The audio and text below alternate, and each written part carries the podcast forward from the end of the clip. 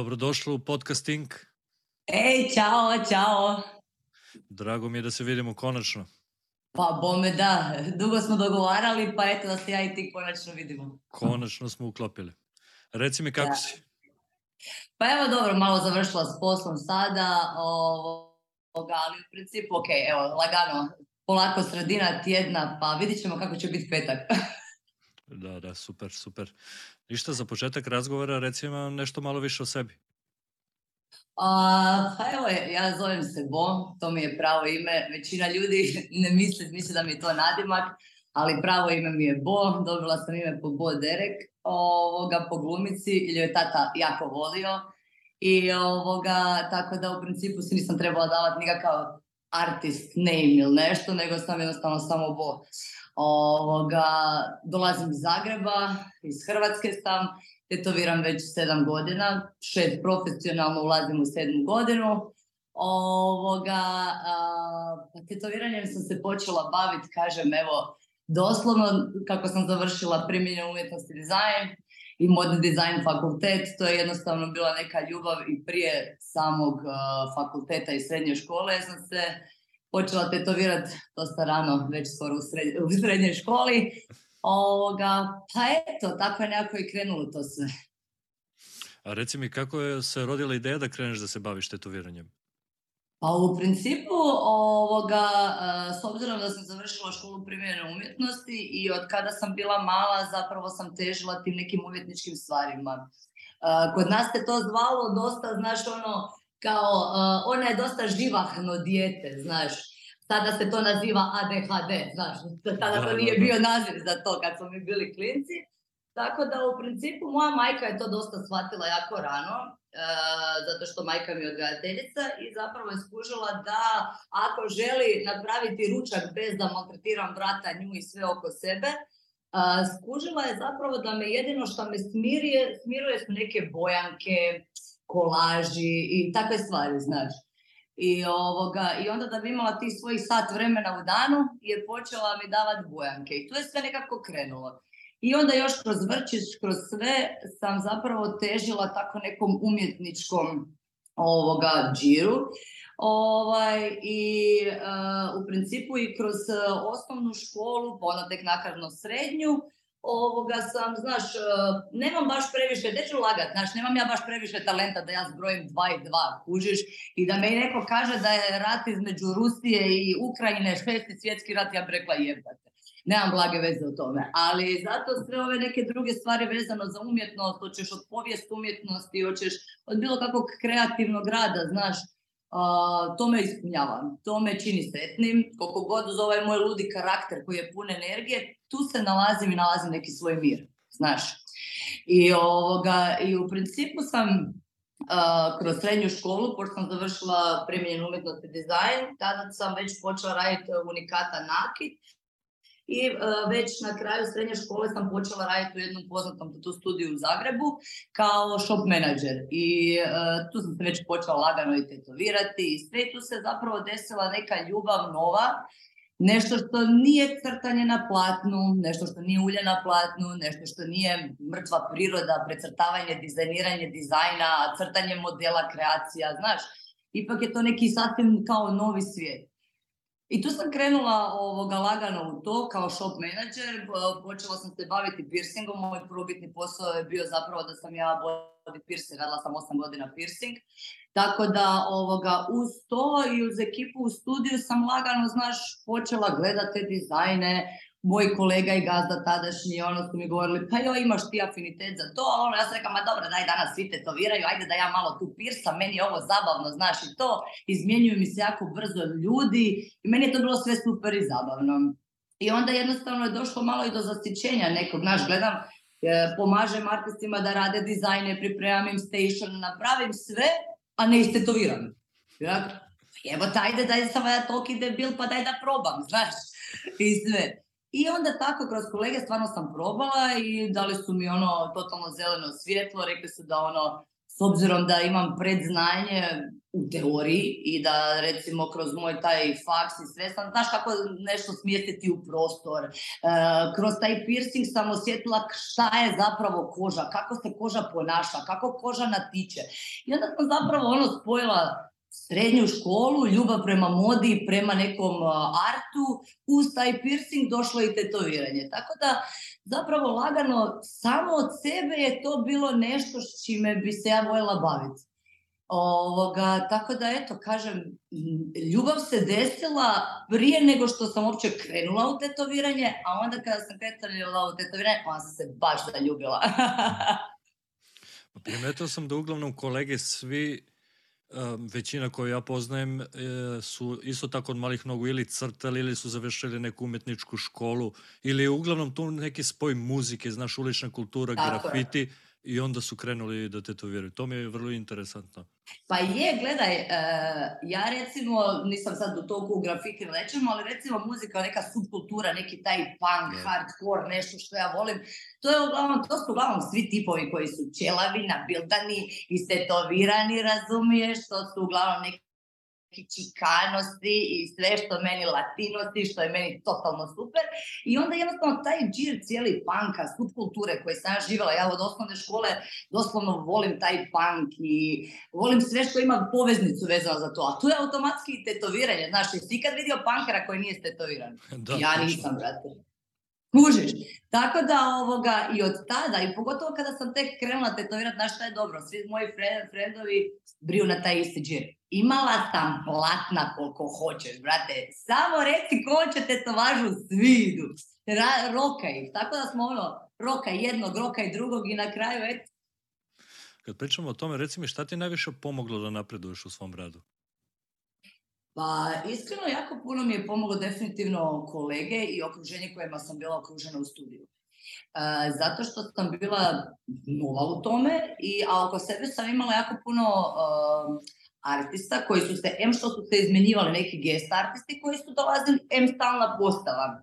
I zapravo, to su sve bili neki uh, kolege koji su već to tetovirali barem 10 godina, znaš. Ovoga, tako da sam tu već uh, stekla jako puno tih nekih, uh, kako bi rekla, stvari s kojima te moraš susret uh, u početku tetoviranja. Tu sam već od njih naučila ono, način kako se razgovarati sa klijentom, uh, da neke stvari možda nisu da ne kažeš da ne može se to napraviti, nego da kažeš mogu ja to izvesti, ali na malo drugačiji način. Znaš ono, ista je stvar, ali si ipak nekako mu rekao na neki ljepši način. Tako da u principu jako puno sam naučila od kolega i gostovanja.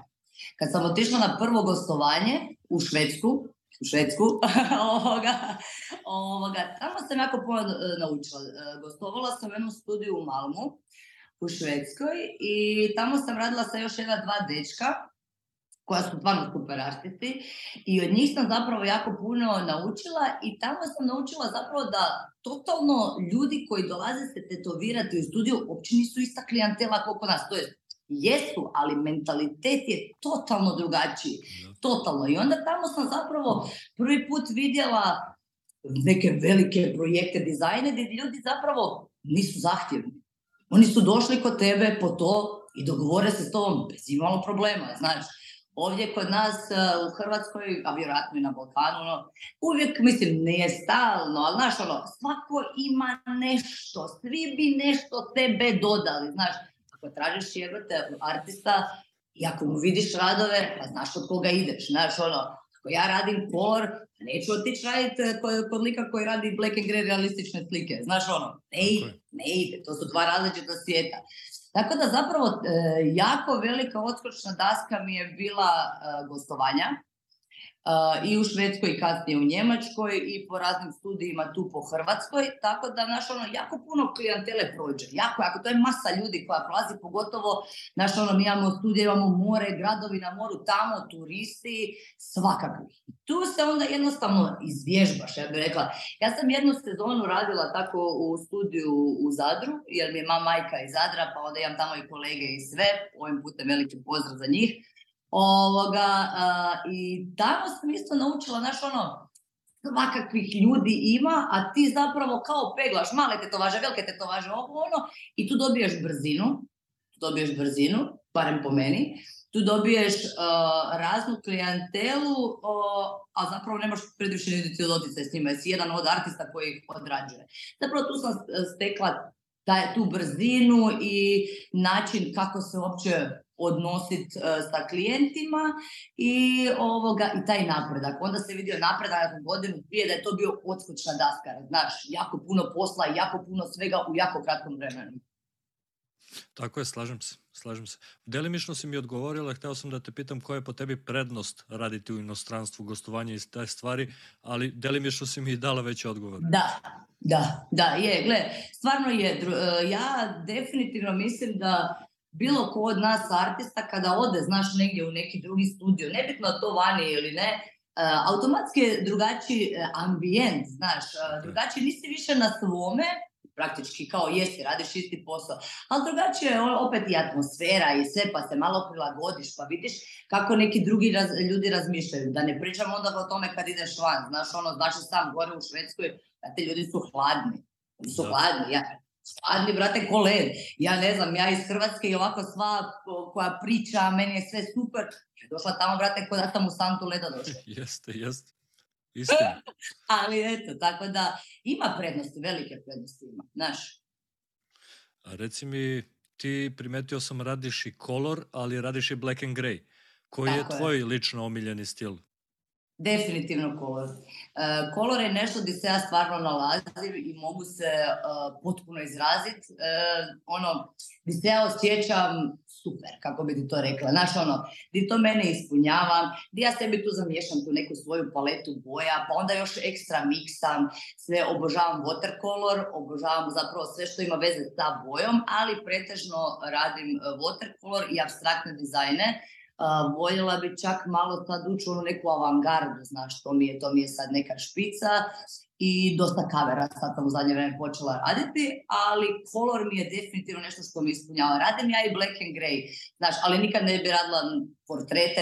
Portrete i black and grey realizam me realno ne zanima, a u ostalom toliko naših prijatelja to radi koji ubijaju taj realizam, tako da mislim da ono, dosta nas je, a i uvijek mogu preporučiti nekoga. Znaš, ono, zašto bi se ja sad tu čupala i trgala da naučim taj realizam raditi koji me toliko realno ne radi, a ovi pored mene kidaju. Neki idu po njih, brate.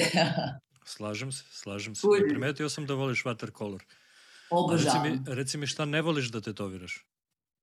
A, pa znaš šta, evo iskreno ti kažem, ne znam nek me neko možda osudi ili ne, vrate, niti jednom u životu nisam istetovirala križ i krunicu.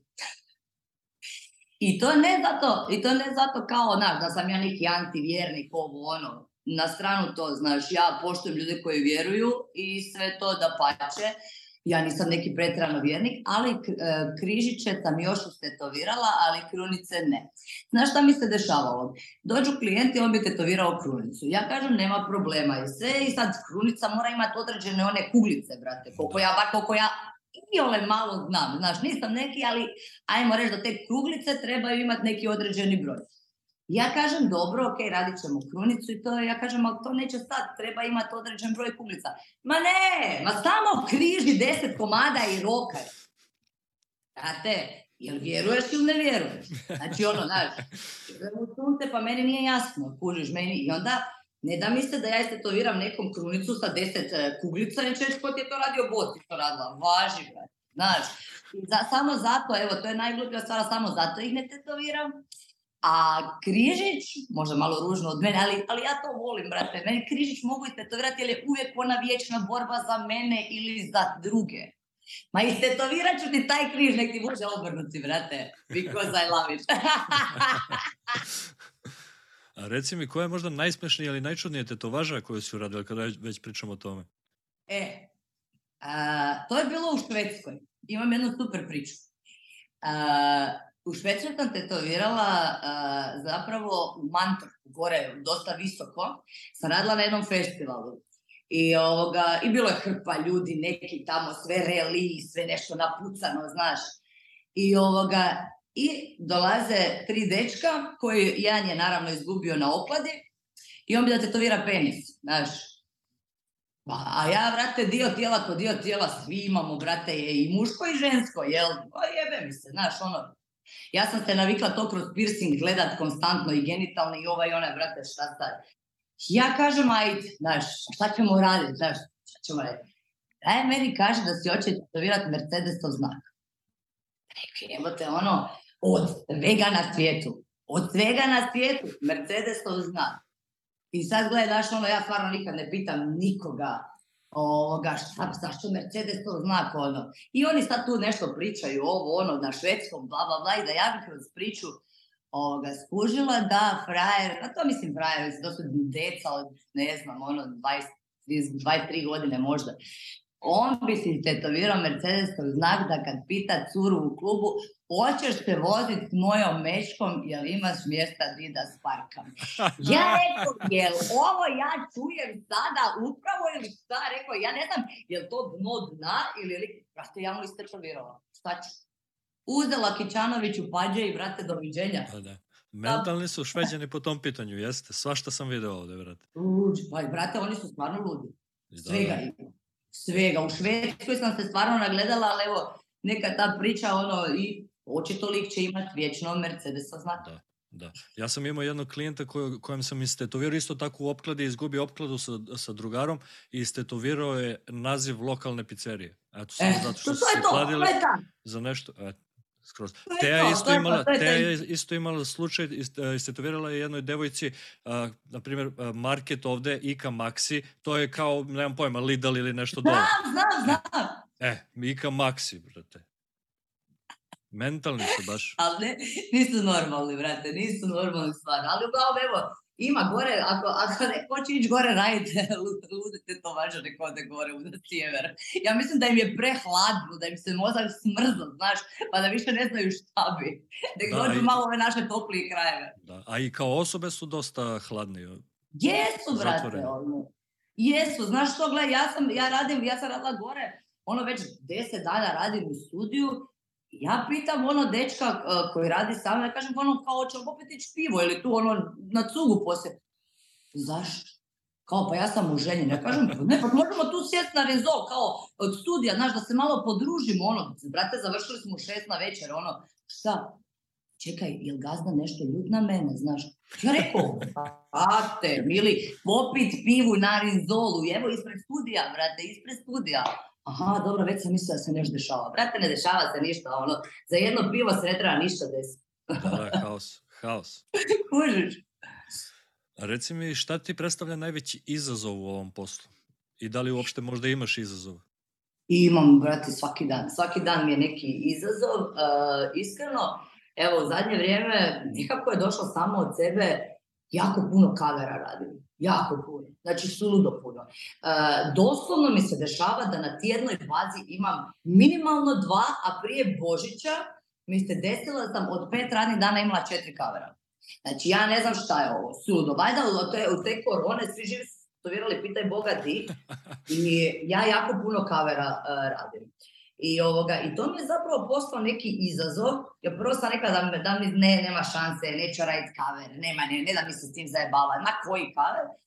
I onda, brate, ono, ide napravim jedan, drugi, treći, četvrti, sad je to već uzelo maha, kužiš, i to sve u Zagrebu, ima nas dosta artista, ali niko neće raditi kaver. I sad je došlo da mi sad svi ovaj šalje, ovaj šalje, ovaj šalje. Brate, već sam rekla, e, alo, znači ne mogu više, daj mi malo prazne kože. Tako da, eh, izazov su, malo sam sad ona kao, pa šta ne bi radila te kavere, ono, ajde, ako već ide, pa ajde da napravim nešto da vidim da li, da to može funkcionirati. Napravila sam stvarno dosta nekih kavera ovoga, koji su se pokazali zapravo da eh, kada su zarasli, stvarno dobro zarasli, kužiš, baš dobro zarasli. I ostali kolega su mi rekli kao super zaras, znači ono, iskužila sam neku šemu ovoga kako da se zapravo stari dizajn uklopim u novi i dodam još svoj dizajn i na kraju to ispadne nešto totalno super, cool, drugačije i sve. Evo baš sad radim, imam e, jedne dvije cure na projektima, Znači, prekrivam im e, tetovažu. Znaš koliko je sati da kada tetovaža koja prekriva postojeću je 92 cm. Prende, odavde do ovdje. Znači, ludilo, ludilo. Jel, jel žena naravno da ima ono ovakvu tetovažu Bože, tačno čuje ne zna šta će s njom, sva sreća što je to jedna tetovaža na njezinom tijelu. A ja sam se raširila po njoj kao, mi kažemo džubre po vinogradu. Znaš, tako da ovoga, e, stvarno ja sad, sad baš me zanima kako će to ispast, jer mi sad to još na pola, znaš, tako mi taman mi na pola, i sve bit će neki ludi dizajni, neke abstrakcije sam počela raditi pod njima, neko polu grafiti cvijeća sa nekim kihtovima, s nekom bojom. Brate, uvatilo me ludilo. ekstra, ekstra, dobro što te, što da, te evo, izazov su mi iskreno sada ti kaveri. Malo sam se u to dala, i sve, a u ostalom, gle, neko i to mora raditi realno. U Zagrebu uopće jako puno ljudi to ne radi. A e, s obzirom da ja radim boju, sa bojem jako puno čudesa i sa Black and Greyom, ali u to ne ulazim jer, naš, nisam taj tip, ne znam, ono, vidim tri tona sive, brate, i to je to, realno. I ima ovo, ovo i to je to, dalje ne ide. Ovoga, ali u ovome drugome stvarno vidim hrpu stvari. E, skužila sam kako zamiješati neke tonove koje mi ludilo prokrivaju e, postojeću tetovažu i zapravo to mi je stvarno sada jedan veliki izazov u koje sam ušla u te neke projekte i voljela bi sad malo ovoga se, kako bi rekla, izrealizirati dalje u tome da vidim šta mogu, dokud mogu. Znaš. Pazi, kaver, jeste izazov. Ja sam jedno je. vrijeme imao, zaređao sam bio, i onda sam odlučio da, da radim samo kavere ukoliko mi dozvole da radim, on verovatno znaš onaj pančo set. Da, kako ne. Kupila ga sad nedavno, znači Ed Pancho set Kida. Kida. Kida. znači, Bože, koga je izmislio svaka mu čast, daj da se zamiješa sve i daj mi kante toga. da, da, da. Ali sam isto provalio, što kažeš ti, evo sad četiri kavera, ono, provalio sam da kad objavim kaver, inače ne volim kaver, ali znaš, uvek objavim kao, znaš, pre i posle. Naravno. I onda mi se jave još dva, tri nova i uvek tako, tako, i onda sam prestao. Više ne objavljujem. Tako ja nemam šta objaviti, brate, više da objavila tu neka sa radila prije ne znam koliko, ne znam šta da objavim, jesu svi u kaveru. A ako objavim kaver, evo 4 Tako I je. tu sam u začaranom krugu, kužiš. Ali eto, sad kad sam rekao, sama sad nek ide, sad ću malo gaziti po tome pa da vidimo šta se da. Tako, super, super, kad te voziš, što da ne. Ma da. Još sa bojama možeš šta hoćeš. Maludilo ludilo, mogu šta hoću, kujiš i kombiniram i taj Ed Pančov set i sa ono, hrbu, roze, boje, ljubičaste, svega, tirkizne, daj mi sve i to ide. Ide. Reci mi, šta po tebi jednog tatu artista čini kompletnim? Pa znaš šta, ono, to je eh, i dosta opsežno pitanje, a i, a recimo možeš skratiti ono u full kratke stvari. Ja smatram recimo da eh, jednog tatu artista čini dosta stvari. Uh, prvenstveno uh, odnos sa klijentom, uh, da se tvoj klijent osjeća totalno ugodno tu. Znači, ja uvijek kada meni klijent dođe, ja želim da je on tu kao doma. Znaš, da je njemu ovo tetoviranje totalno super. E sad, kažem, rad s klijentom prva stvar, da klijent uvijek iz studija izađe zadovoljan i sve ali zadovoljan zato što je taj artist koji ti je radio tehnički odradio apsolutno savršen dizajn. Što znači, kompletnog artista treba znati naravno znanje tog artista, zadovoljstvo klijenta, koliko je taj artist sposoban odraditi nešto. Ovoga, tako da po meni ima stvarno jako puno stvari koje jedan artist treba zadovoljiti da bi on kužiš tog klijenta, kako bi rekao, učinio sretnim. I, se, I po meni, ako uspiješ napraviti i atmosferu, i dobar rad, i dobar dizajn, i da tvoj klijent pršti od sreće, napravio si 100%. Slažem se. To je po meni. Evo, to je po meni. Jel, kažem, ja kad vidim e, da su klijenti super, kada dobiju kavu, tu leže, tu uživaju, naš ono, smiju se sa mnom, slušamo muziku, slušamo, ja, ja sam dobila već 50% a ostali 50% je na meni i, i na mom radu. S time pokazuješ sebe. Ali ako je klijent toliko sretan i toliko dobar, mislim da jesi tu već napravio jako puno posla. Naravno, naravno. Ništa bez zadovoljnog klijenta na kraju. Ma ništa, brate. A reci mi, da li bi neki rad možda izdvojila kao omiljeni? to je fakat vjerojatno jako teško pitanje za bilo kojeg E, znaš šta, e, nemam baš neki omiljen rad, ali bi ozvojila jedan koji sam radila prije 3-4 godine. Radila sam jednoj e, gospođi koja ima 42 godine tada imala i radila sam joj prekrivanje ožiljaka. I radila sam jako veliku tetovažu, ovako ovdje, ovdje i sve. Znači, izdvojila bi ju zato što je ta gospođa došla nakon šest ili osam mjeseci, ne znam sad točno, došla je u studiju sa vinom, sa svim cvijećem i rekla ti si meni e, dala novi život. Ja rekom, znači, ono, znaš, nije mi jasno. Znači, pazi ovo. E, ona kada je imala dvije godine, na nju je pala ka, e, lonac kipuće vode i ona je spalilo joj se cijela koža. Nju su morali ovako rezati ovdje da je rupu odvoje. Imati kompletno sve onako kožu spaljenu, spaljenu. Žena 40 godina nije se skinula na plaži. Znači, nije se skinula na plaži. Ima dvoje djece, e, starije cure, sve koje kažu, ono, mama, nije problem. Ne znaš ti to neko objasniti koji ima problem, znaš. Ona je meni slala slike, rekla da je ona prvi put nakon 40 godina bila na plaži u kostimu i da je, da je ništa nije bed. Ona je, ona meni došla, ja sam, ja se stvarno rasplakala ja, i to meni je to bilo ono, nikad mi se to nije desilo. Znaš, onda ti neko dođe i nakon toga gledaj, sad ona si to Došla je nakon tri mjeseca da vidimo super Zara, super sve savršeno. Ali da će ti neko nakon osam mjeseci donijeti ono vino, čokolade, sve cvijeće i reći, ej, bo, ti si meni čovječe da dala novi život, ja konačno ovoga sam na plaži u kostimu i konačno nosim majice rezane. Ono, a ženska je zgoda znaš ono, ženskica, lijepa, divna, nikad u životu nije im bila obukšćena u haljni. Ona ti je meni poslala sto hiljada slika, svega, ja kaže, ja te nikad neću zaboraviti, brate.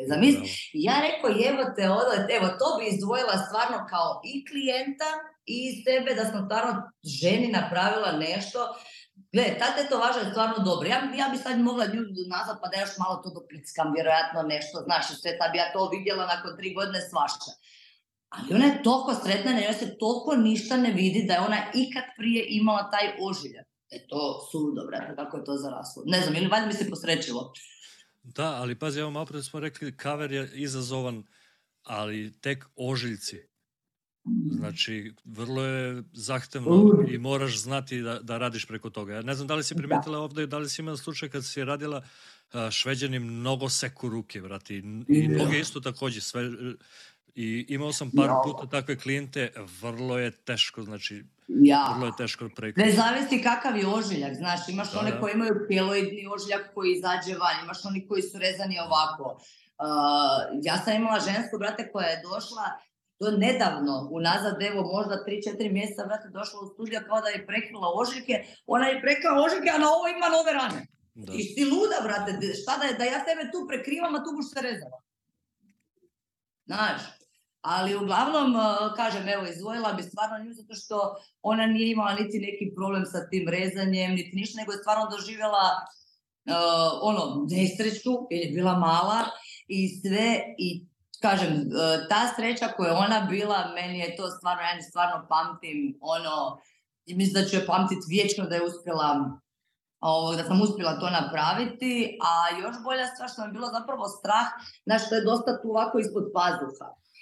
tu koža joj je skroz i mene strah gledam, oči nju to boli. Ona ti, hvala Bogu, na tom dijelu. Ne da nije ništa osjetla, ništa, njoj su živci spaljeni, uništeni tu. I ona ništa nije osjetila, ja sam se nju peglala kao da nema sutra i sve točno na tom dijelu gdje mi treba biti onako kao upoljak i sve točno mi je došla ta sredina, znači savršeno. Tako da možda sam ili ima sreće sa njom i sve, ali mislim da mi je to definitivno rad i klijentica koju bi fakat voljela izdvojiti ja mislim da zaslužuje stvarno ono tu sreću svijeta nakon 14 godina ne izlaska na plažu. Pa da, da. A recimo evo kad pominjemo klijente, šta misliš da li klijenti umeju da prepoznaju kvalitetnu tetovažu? Pa znaš šta, eh, evo, ja mogu treći reći ovako iz stajališta tu kod nas u Zagrebu 50-50. Eh, bi rekla. Znaš, ono, jako puno klijenata ide ono, ma nema veze, kao tu mi je jeftinije, znaš, tu mi je kao, meni je to dobro, znaš. E, ali šta se dešava, recimo, eh, baš i ja i kolegica kada smo radile u prošlom studiju, bila jedna curka koja ovoga, je se tetovirala i kod mene, i kod nje, i kod mene, i kod nje, ali prije toga se tetovirala, ne znam ti, i gle, to je na podlaktici. Sad, moja kolegica je štetovirala vanjsku stranu, ja gore, ovo dolje. Sad tu ostaje ta tetovaža koja... Ona tek onda je skužila da jebote pa to nisu ravne linije, pa šta je ovo, znaš, kad ti imaš na sebi ovako kad se gledaš, znaš, oni kad uspoređuješ dvije ruka, skužiš, šta mi je ovo napravljeno, znaš, ono, i onda tu dolazimo opet do tih kavera i popravaka i svega. Ali u principu ovoga, Eh, u zadnje vrijeme mogu treći pored ovog Instagrama, svega, danas je ono, sve živo možeš nabaviti na internet, sve možeš pogledati to. Ljudi su se počeli i raspitivati, evo pa i gledamo te podcaste, znaš, ljudi stvarno to gledaju, ljudi, eh, ljude zanima šta mi pričamo, zanima ih eh, kako da opće dođu do dobrog artista, kako da nađu artista koji bi, znaš ono, htio da ga tetovira, i ovoga, stvarno gledaj, imaš 50-50, imaš one koje uvijek gledaju da prođu e, što jeftinije, ali od njih ne živimo, ovoga, nego gledamo ovu drugu stranu koja stvarno zna šta je dobar rad, e, vide, možda čak i ne znaju 100% tehnički, ali znaju šta hoće. Znaš, i kad ti već znaš šta hoćeš i način kako da ti izgleda tvoja tetovaža, e tu se već onda i, nalazi neki artist i neki smjer, kojiš. A ovi drugi, ono, ako, brate, prolaziš samo da se istetoviraš i to, ništa od toga. Ništa. Da, slažem se. A i to što kažeš tehnički, mislim da redko, redko koji klijent može da prepozna da li je nešto tehnički Ma, nema urađeno. Brate, razlivene linije, razliveno po njima, podljevi, jebe mi je. Ok, Maco, vozi. Vrh, za tebe je vrh. Može. Da, onda znaš da bilo šta uradiš na njemu ima da bude top. Pa da pa posto, 100%, 100%. znaš, ono, možda bi trebali se nabaviti takve klijente da si malo diže dižemo jednu jebote kako sam spičio ovaj rad, moram. Da. A reci mi, šta su po tebi greške klijenata pre tetoviranja? Uh, recimo, uh, greška koja mi je ono, brate, kad se dečki dođu, kad se zbriju nogu ili u E, da. Ja bi, brate, počupala cijelo, ja, ja Znači, nije problem, ok, ja znam da, ono, svi znaju da se trebaju obrijati CP, ali to grebanje po sebi, brate, to, te, te kako da si ih kanđama, brate, radiš, sad ono, evo recimo to, to ne volim i ovoga, to baš, ono, to, volim da sve ja uradim, znaš, kad on dođe, skica, da sve ja to radim i to je to. To mi je recimo neka greška klijenata. Ne volim uh, klijente koji ono, uh, šta ja znam, stalno nešto zapitkuju, stalno mi nešto, pa ovo, pa nabacu neke svoje, znaš ono, pa ja ne mogu, ja koja, brate, puno pričam, ako, ako prestigneš ovo, ne mogu. Ne moguće. Znaš, ono, neki put sam sama sebi tu evo te, ako uspiješ ovoliko onda onda nešto nije u redu. Znaš šta, ja sam na primjer primetio da klijenti koje kad sami obriju mesto i uvek to rade dan pre tetoviranja, ne znam zašto, uvek. mi se mnogo brže koža upali kada radim. I više imaju bol. Tako je. Uvijek. ja ne znam, brate, ko da imaju neke posebne one britvice, kužiš, ko da kupuju neke strane britvice i samo se ostakate jebote. Ono, znači, ko da ne znam šta rade s njima, ali upravo to, znaš, ajde i ono, čak i oni koji se jako ne, ne izgrebu tu kožu, baš što ti kažeš, koža im bude crvena, uh, sve ih peče na dodir. Da. Ali ja iskreno ne znam stvarno na koji način se obriju. Evo, na koji način. Te, ne znam, nikad, nikad, nisam rekao klijentu, znaš kao, skini dlake dan pre te zubere, ili tako. Što kažeš ti, volim da, da sve samo ono. Ali imam, i dosta puta se dešava.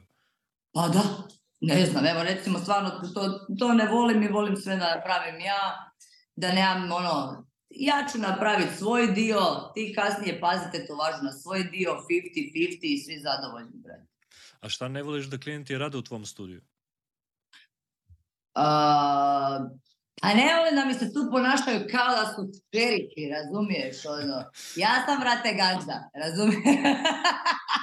Pa Ali ne, stvarno, ne volim kada, kada mi tu bude, da, da, ono, da bude neka dernjava, da ono, ja koja slušam glasnu muziku i ovo sve, postoje neka pravila, znaš, ono, ajmo na neki lijepi način se dogovoriti oko dizajna, oko svega to, tako da ne volim e, nijako urlanje, ne volim e, kada mi, recimo, postavim se station i to, i onda zašto od cijelog studija, od jebenih 67 kvadrata, ti mobitel staviš na moj station? E, da, da, ili piće. Da.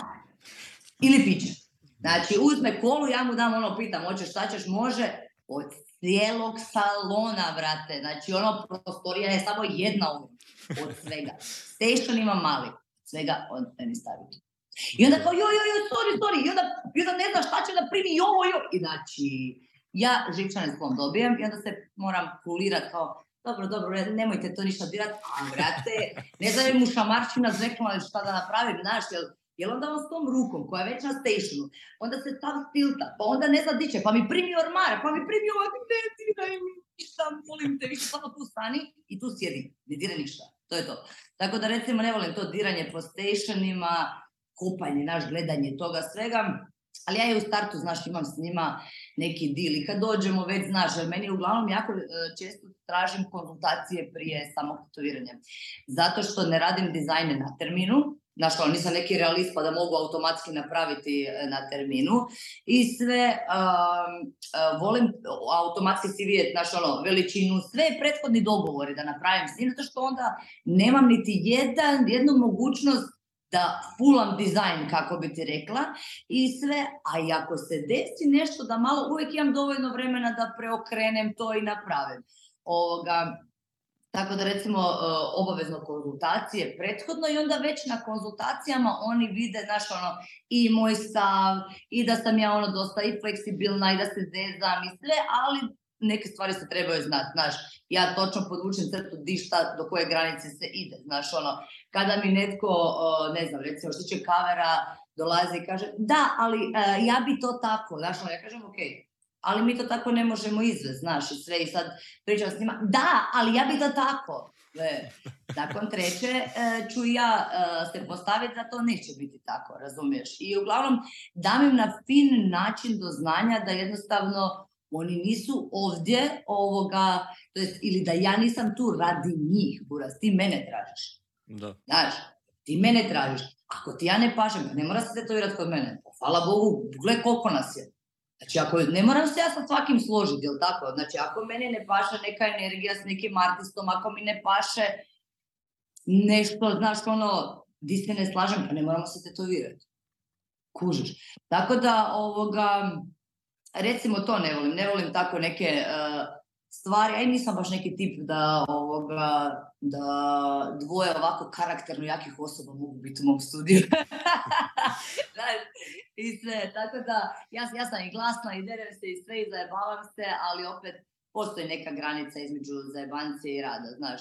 Služba je služba, družba je družba, tako da mi ćemo odraditi prvo sve što ide, pa onda kasnije kad se tetoviramo, e, onda ćemo se i zajebavati, i ovo, i ono, i lagano, znaš.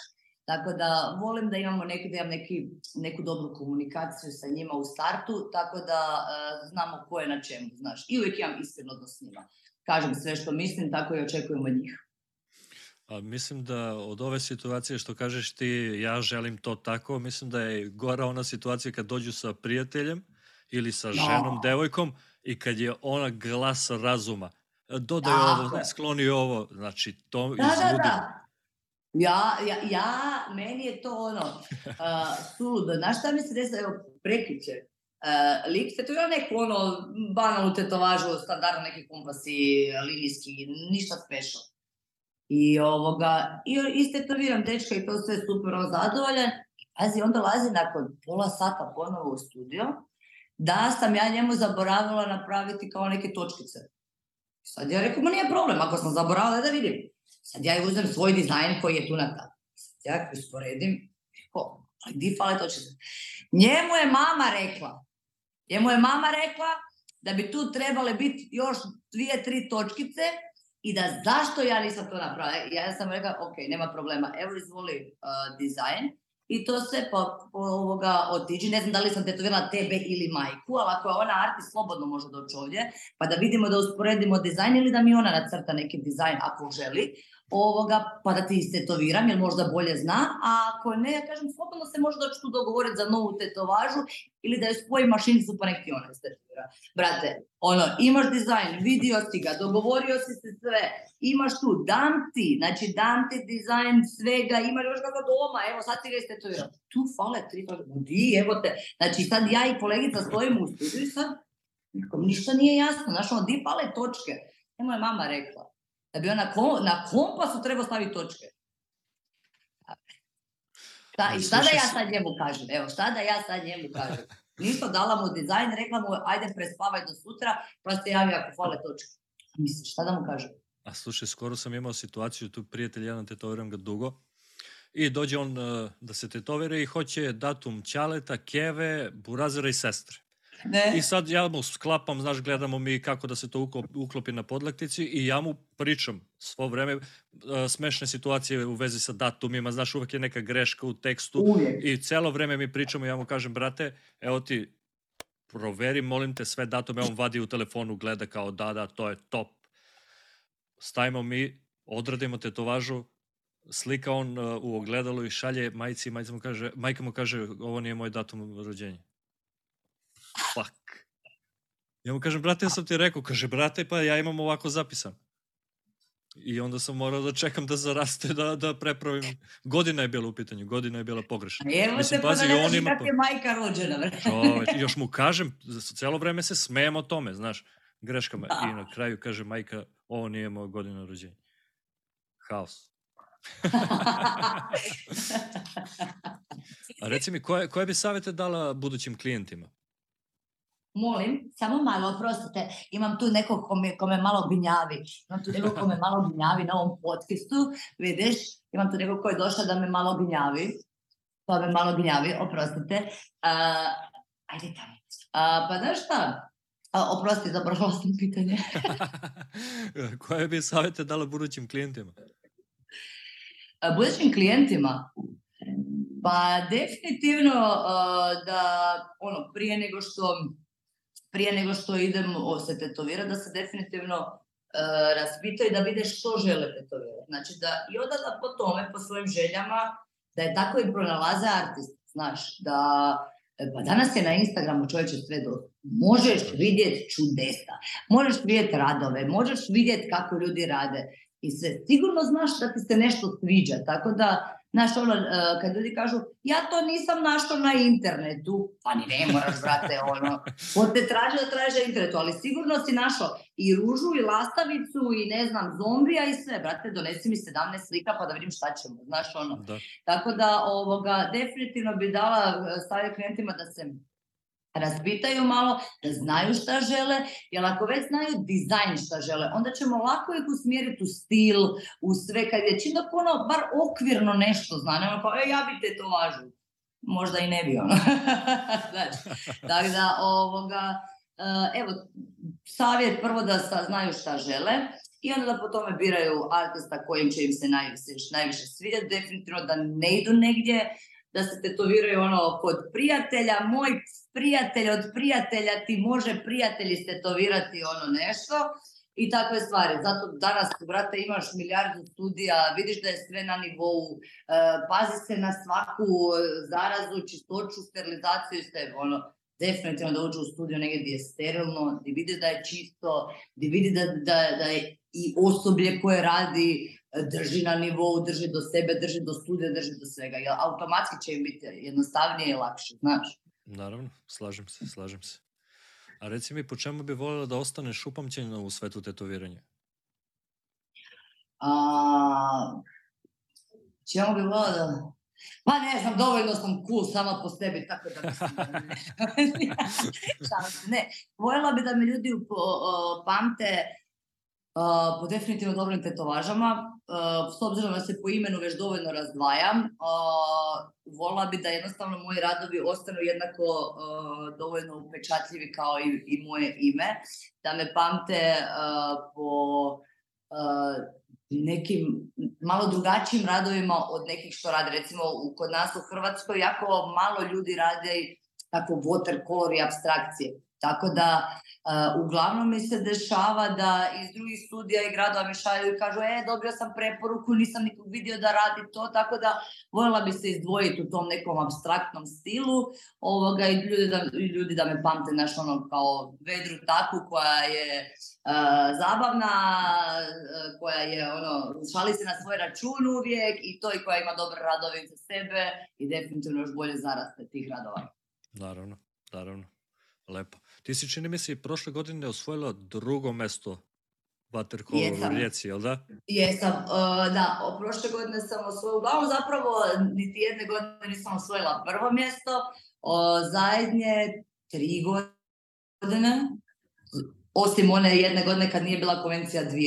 ili kada je bila korona, svaki put sam osvojila e, drugo mjesto u watercoloru i osvojila sam uh, na Zagrebačkoj konvenciji drugo mjesto za best ornamental, za rukav koji se radila prijateljici. Uh, ono ornamental Blackford pozadina sa raznim nekim cvijećem, s nekim paternima, svašta nešto. Tako da, uglavnom, ali bi više voljela taj kolor pegled. A reci mi, kakvo mišljenje imaš po pitanju konvencija? Pa znaš šta, recimo, evo, konvencija u Rijeci obožavam ju. Znaš, obožavam ju, jer tamo je atmosfera drugačija od ostalih. Znaš, e, bila sam ja davno, pribila sam ja i u London, dok još London e, bio, sad više nema. Bila sam u Londonu, bila sam u Briselu, bila sam na jako puno vani dobrih konvencija. London je nešto što se ne može riječima opisati. E, ja sam bila na da desetoj jubilarnoj konvenciji u Londonu to je bilo ludilo. Znaš, ono, ja sam te tada prvi put osjećala da mene nitko ne doživljava, brat. Mene niko ne gleda. Niko nije oko glavu, znaš. Niko oko tebe je ludilo artisti. To su neke te hale, e, rade Goldberija, ovakva, onakva. Oni koji rade te bori, koji, koji tu po vratovima, po svemu, znaš, ono, novozelanđani, ovi oni, od onih naj, nekih poznatih Miami bla, bla, bla. Znači, ludilo koja konvencija i e, tako da, e, što se tiče tako, nečega, to mi je bilo ono ostvarenje mojeg sna. Ja sam imao ako ću ikad moći stići u London na konvenciju i onda sam otišla, gazda studija gdje sam bitno radila, on posjećuje od prve londonske konvencije, posjećivo i svaki put je bio na londonskoj konvenciji, Miki Valeto ga je zvao svaki put, i sve zato što je to jedan od naših najstarijih artista u Hrvatskoj, ovoga koji radi uglavnom tu neku polineziju i sve to, tako da kod nas nema nikoga to radi više, znaš ono, ali on je jedan jedini. kak sam radila kod njega, onda sam dobila s njim poziv, pozivnicu, tako da sam onda bila kao artist helper na Londonskoj konvenciji. I to mi je bilo ono, kao da sam dobila čovječe, ma kakav euro nema tog euro čovječe, bila sam srce mi je bilo ovako. Tako da recimo takva neka konvencija, sad više nema londonske, ali umjesto toga onaj God of Ink. God of je bilo top. Ludilo idem sljedeće godine 100%. I ja obavezno. Kao posjetiti, znači definitivno. I sve, imam par kolega koje je ove godine radilo tamo i znači želim to vidjeti. E, tako da recimo ta konvencija, Brisel konvencija je isto ludilo, super artisti, sve, znači jako, jako dobro. Kod nas isto ima, evo kažem, ok, Rijeka, sad će biti e, Beograd, e, Great Hard Art, da. to mi se jako veselim, tako da te tamo vidimo, jel? Ja neću moći ove godine, nažalost. E jebem li. Pa onda ništa, onda ćemo se vidjeti opet za jedno, ne znam, 5-6 godina ovak pre kamere, kaj? Šta, drugi put me razvoji da pijemo cugu ovako. Ne, mnogo mi je žao. Stefan me je zvao, ali ne mogu. Viza mi je u, u procesu i onda ne smem da napuštam zemlju. I onda ne e, mogu. E, Nigde da, nisam da, išao ove godine. Ne, nema veze. Uglavnom, slaćemo ti slike. E, tako da evo, veselim se Beogradu, jer nisam nikad u, na, u Beogradu na konvenciji. Bila sam na prošle samo kao posjetitelj isto. Ovoga, ali ove godine ću radit i baš se veselim jer kažem nisam bila nikad u Beogradu negdje tako na konvenciji, bila sam samo po Europi i ovo što se kod nas tu organiziram i sve, ne znam, evo mogu kažem izvojiti rijeku jer tamo dolaze i ovi svi naši kolege i sve, tako da atmosfera e, je jednostavno perfektna, nema, nema zle krvi, svi se volimo, svi se pomažemo, svi jedan drugog bodrimo, kada se natječemo i jedan za drugog navijamo, znači nema tu ljubomore. Ono šta bi ja bila ljubomora nekoga ko radi, ne znam, isti stil koji ja ti napravio bolju tetovažu, pa bravo, brate, ono, bravo, ono, svaka ti čast, kako si to napravio, ne sad ja kažem, uh, vidi ovoga, ova, ne, brate, nemam ja vremena se sad tu, znaš, zamarat s nekim ko kako radi, ali podrška, ta podrška i ta neka, ja bih rekla, sloga koja je tamo na konvenciji je ludilo. Znači, Lujilo će ima priliku iduće godine dođi, jer je, evo, svi ovi naši, e, kažem ti kolege, evo, dolaze već par godina i vidiš da su oduševljeni, je neka drugačija atmosfera, znaš, nije koja, ne znam, bila sam ja i u Ljubljani i ovdje i ovdje, malo je drugačije, znaš i pravila, natjecanja su drugačija i sve, tako da, ono, izvojila bi kod nas rijeku, evo sad ja čekam Beograd, mislim da će Beograd biti kidanje, znaš hoće biti jaka konvencija. Biće i brutalnih artista, radova, posebno to što je humanitarno. Naš ja volim te humanitarke i to i kod nas. Znaš, ja nisam tip koji je razvikan i sve i govori kao ja dajem, ja dajem, znaš. ja dovoljno dajem, ali ne mora niko znat koliko ja dajem. To mi se sviđa. I sve. I, I, jako puno za tu, za nas, za ljude, za klince, za djecu. E, od, od, iz, poslije ljeta ću e, u studiju subotom odrađivati e, radionice crtanja za djecu do 5 godina. Znači od, od do pet godina. Ovak mali da budu i da radimo crtanja sa bojicama. Ono, tako da njihovi starci mogu normalno popiti kavu od 10 do podne. A meni dajte klince da šaram s njima. Znaš ono.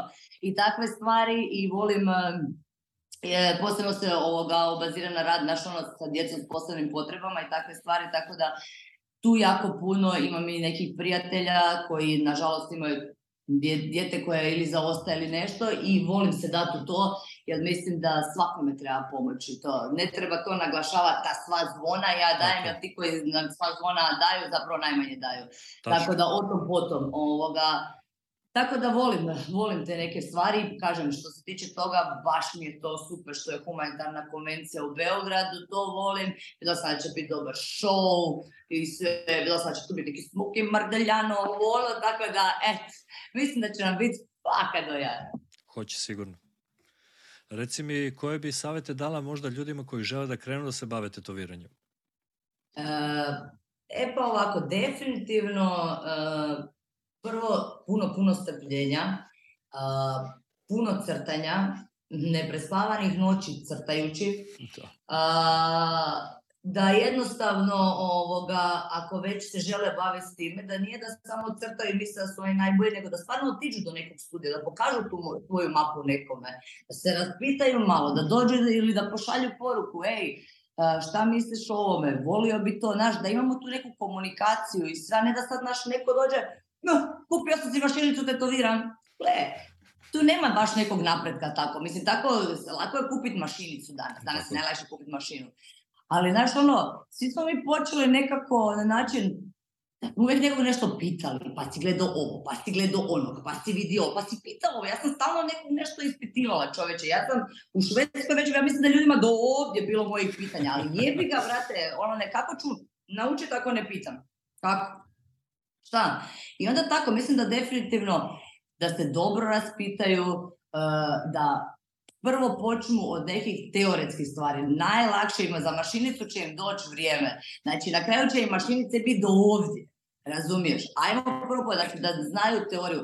Sterilizacija, buraz. Kontaminacija, kroz kontaminacija. Znači, daj nauči neke osnove, ono, čista ruka, prljava ruka, znači ajmo početi od nekih osnova. Tako da mislim da jako puno bi trebali prvo naučiti ovaj teoretski dio, šta uopće trebaš znat dok ne uzmeš mašinicu u ruke. A onda ovo kasnije je sve samo praksa, praksa, praksa, praksa i na tebi je koliko ćeš puno trenirati. Ako treniraš dva put tjedno, jebi ga uzme, a ako treniraš osam dana u tjednu, od 12 sati, stari, ti si za godinu dana ne znam, Ibrahimović bojte, kužiš? slažem se, slažem se u potpunosti. Tako da, evo, recimo to, puno da se raspitaju, da im ne bude teško, e, da, da recimo bilo kakva kritika, da, da nije kritika loša, nego da odmah ne padnu down, nego ono, slušaj kritiku i kreni dalje. To je mene tako gurlo. Ja sam kad bi dobila kritiku, ja sam tip koji se inati, brate. E, sad baš hoću. Ja kad je e, sad baš hoću. Ja sam taj tip. Ja sam stvarno tip koji se inati, pogotovo po onome, ja me kaže, da ti to možeš. E, saš je da mogu. Znaš, tako da e, u ovom našem poslu dosta je i takve neke stvari da sam sebe guraš. Znaš, ima hrpa ljudi koji će reći, ma joj, znaš, iz ljubomore, iz sujete, neke svega toga će ti reći ono hrpu nekih stvari, kužiš, zapravo si ti taj koji sebe gura dalje, opet na kraju, ono, sam sa sobom si u svojoj glavi na večer kad legneš i sve, i onda si malo razmišljaš, jebote, ma neću, sad ću pregaziti to, sve idem dalje, kužiš. Tako da, jako je bitno i imati samopouzdanja, a pa ovo, kažem, sve ostalo dolazi samo od sebe se otvaraju vrata. Kad kreneš s pa ću ja dati nekome jedan savjet, drugi. I to lagano, malo po malo, kroz godine mora, mora se vidjeti neki napredak. Mislim, ako to stvarno želiš i ako se stvarno trudiš. Ako je to nešto gdje ti želiš kao imat money maker, da živiš od, samo radi para, stari, odmah se prestani baviti sa ovim, jer danas je oprema toliko skupa da su mi svi Tako je. Mada mislim da ljudi koji kreću ovo zbog novca, oni ne obraćaju pažnju toliko na opremu. Može da bude iz AliExpressa, znaš, nije bitno. Bitno da se okreće kinta. Ali to nije trajno. je, Znaš, to i vidiš. Ja, znam par studija se otvorilo u Zagrebu, pa ne znam, su dva mjesta radili. Znaš, čim dok treba kupiti opremu, dok treba platiti ovo, dok to, a nema više, znaš, nema toga više. Tako da, ovoga, definitivno je korak po korak. Nema, u ovom, ovom poslu nema preskakanja koraka. nema, nema. Definitivno. Znači, nema. Jer ako, ako preskočiš korak, tri koraka su nazad. Da. Doslovno, znači doslovno. E, pokušala jednom, never again, tako da, ono, Za kraj razgovora moram da te pitam šta za tebe predstavlja uspeh u ovom poslu? Uh, pa za mene uspjeh uh, znači klijent koji se opet vrati kod mene i koji je doveo još dva, tri klijenta i, tako. Znači, za mene je uspjeh nešto gdje se meni klijenti vraćaju radi mene, radi mog rada, uh, radi toga da jednostavno su našli nekoga koji njima odgovara, E, jednostavno lagala bi da kažem da naš ono kao ne volim neku pohvalu koju ne volim. Kužiš. Tako da volim da me neko e, pohvali, ali ne kao tapša pravo bravo, ono, ne, nego da klijenti koji su stvarno iskreno zadovoljni tim što ja napravim i kad vidim iskrenu emociju to. Jer ja jesam sama po sebi naš na van luda, ali ja sam stvarno emotivna, ono, ludo emotivna. Tako da ja kad vidim te neke stvari i kad ljudi upute lijepu riječ, kad mi napišu ono nakon tetovaža, znaš ono, koliko su zadovoljni, koliko su sretni, nakon godinu dana mi šalju za rasne radove, mislim da je to neki uspjeh i nečem što ja težim, znaš. A u ostalom sama po sebi zadala sam si neki cilj još kada sam imala 25 godina i rekla sam pa ajde da vidim šta se do 30. može napraviti. Ako u 5 godina ne vidim nikakav napredak, ja bacam mašinicu, ja se neću s tim baviti. Ja ću pisaš, ne znam, bavit ću se vizažizmom, volim se šminkat, volim ono. Ima tu milijardu mogućnosti s čim se ja mogu baviti. Tako da sam ti zadala neki cilj i evo, uh, nakon sad već prvo 7-8 godina od tada, ovoga, ostvarila sam puno veći cilj nego što sam se zadala. Znaš, imam svoj studio u centru grada, e, proputovala sam pola svijeta s tim tetoviranjem, e, upoznala milijardu ljudi, ono, toliko s kojima sam si ostala nenormalno dobra i to se upoznala sam ljude koji su totalna govna koji nikad u životu ne bi pozdravila više, a ovoga, tako da kažem, o, ovaj posao nije samo posao, znaš, to ti mora biti lifestyle, definitivno, jer ti ne možeš, svaki posao je od 8 do 4, kad si ti, molim te, se digao ujutro u 8, završio u četiri rekao čao tetoviranje.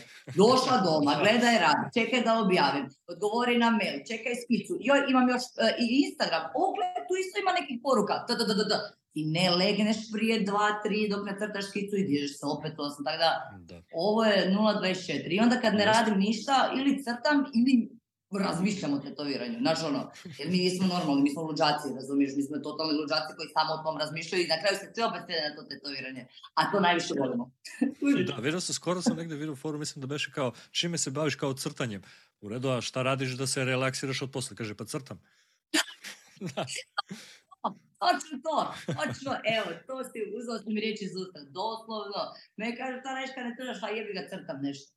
Pa dobro, šta? Pa dobro, ne crtam skice, crtam nešto za sebe. ono, Dobro, da. šta hoće biti kraj? Nikad nije kraj, samo rokanje i to je to. Tako je, tako je. Bo, hvala ti još jednom na razgovoru, bilo mi je vrlo zanimljivo. E, hvala tebi, hvala tebi što smo se konačno uspjeli pohvatati u ovih mjeseci, jer ti ja radimo, nadam se da se e, nekako vidimo živo i to sve rađati ti dođi malo kod nas u toplije kraje, negdje ja moram ići u Švedskoj, jer been there, done that, ovoga, ali definitivno hvala ti što si me pozvao, super ti je podcast i nadam se da će jako puno ljudi koji gledaju ovo barem naučiti e, nešto malo od svega toga i da će im ovo donijeti opet nešto novo ako se žele baviti sa ovim poslom. Jer ovaj posao je ipak nešto što mi svi volimo najviše. Tako je, tako je. Nadam se i ja. Pozdrav još jednom, pa se... Pozdrav, čao, čao. Ćao.